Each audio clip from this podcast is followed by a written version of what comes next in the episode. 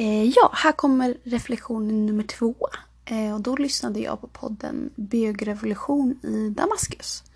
Jag tyckte det var en väldigt intressant och lärorik podd som gav ett perspektiv som jag har hört ganska lite från. Eh, jag tycker sällan eh, att man hör om hbtq-personer i, i andra delar av världen. Jag har hört en del om hbtq-personer från afrikanska länder. Men det här var ganska nytt för mig, så det var väldigt givande att få höra det här perspektivet. Um, sen blev jag också väldigt berörd av den här mannens berättelse. Av vad han hade varit med om och vad han hade upplevt. Och jag tycker också att det ger eh, verkligen den här... Liksom, han hade inte på många sätt kanske en liksom stereotyp, stereotypa känslor inför sin sexualitet med skam och sådana saker. Men att det, kan man, det behöver man inte ha och man, kan, man är lika mycket hbtq-person även fast man inte känner eller tänker vissa saker som man bör eller ska enligt många eh, känna eller tycka. Så det tyckte jag var jättefint också. Och jag tror att det är många människor som har väldigt förutfattade meningar. Speciellt om man kommer från vissa länder. Att man skäms väldigt mycket om man är en eh, bi eller homosexuell person.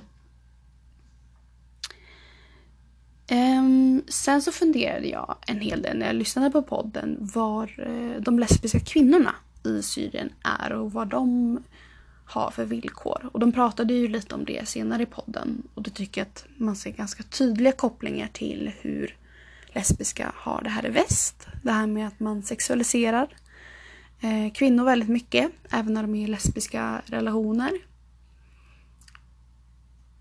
Så det tyckte jag också var intressant. Eh, sen så blev jag ändå, det var ändå, fanns ändå någon liksom ljuspunkt i det. Att eh, det finns, eller i alla fall fanns, eh, någon typ av liksom andrum för homosexuella i Syrien trots att det är eh, olagligt. Eh, men de här hamammen då, att eh, jag tänker att det är otroligt viktigt att ha ett liksom tryggt rum att kunna vara sig själv och leva ut och kunna slappna av och komma bort och få en paus från det förtrycket som man upplever. Så det, tänk, det tänker jag är jätteviktigt och väldigt fint att, att det finns.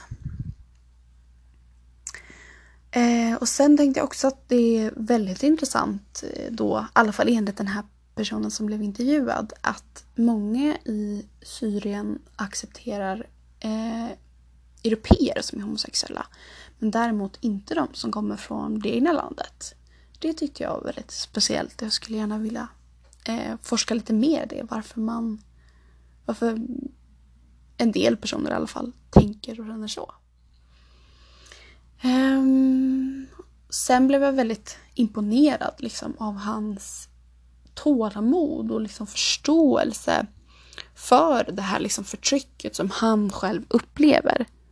Jag tänker att eh, det måste vara super, super jobbigt att försöka i princip övertala människor att, att liksom bli av med men, tankar och synsätt när det handlar om ett förtryck som man själv upplever. Tänk tänker att det måste vara otroligt jobbigt och jag tycker att han verkar så stark och så modig som och väldigt liksom, men verkligen en liksom revolutionär som fortsätter att att utmana de här tankarna. Eh, och jag tycker att det är ett väldigt...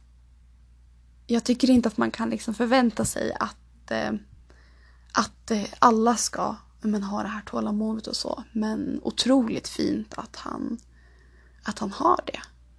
Och ja, men den här förståelsen. Liksom. Jag tror att det var i stora drag det jag eh, funderade på. Eh, som sagt så råkade jag ta bort filen som jag eh, dokumentet som jag skrev i, vad var det, förrgår. Eh, det försvann helt. Så att det är kanske en del saker som jag missade som jag tänkte på när jag lyssnade på poddarna. Men jätteintressanta poddar tycker jag, båda två. Och jag känner att jag har fått nya perspektiv.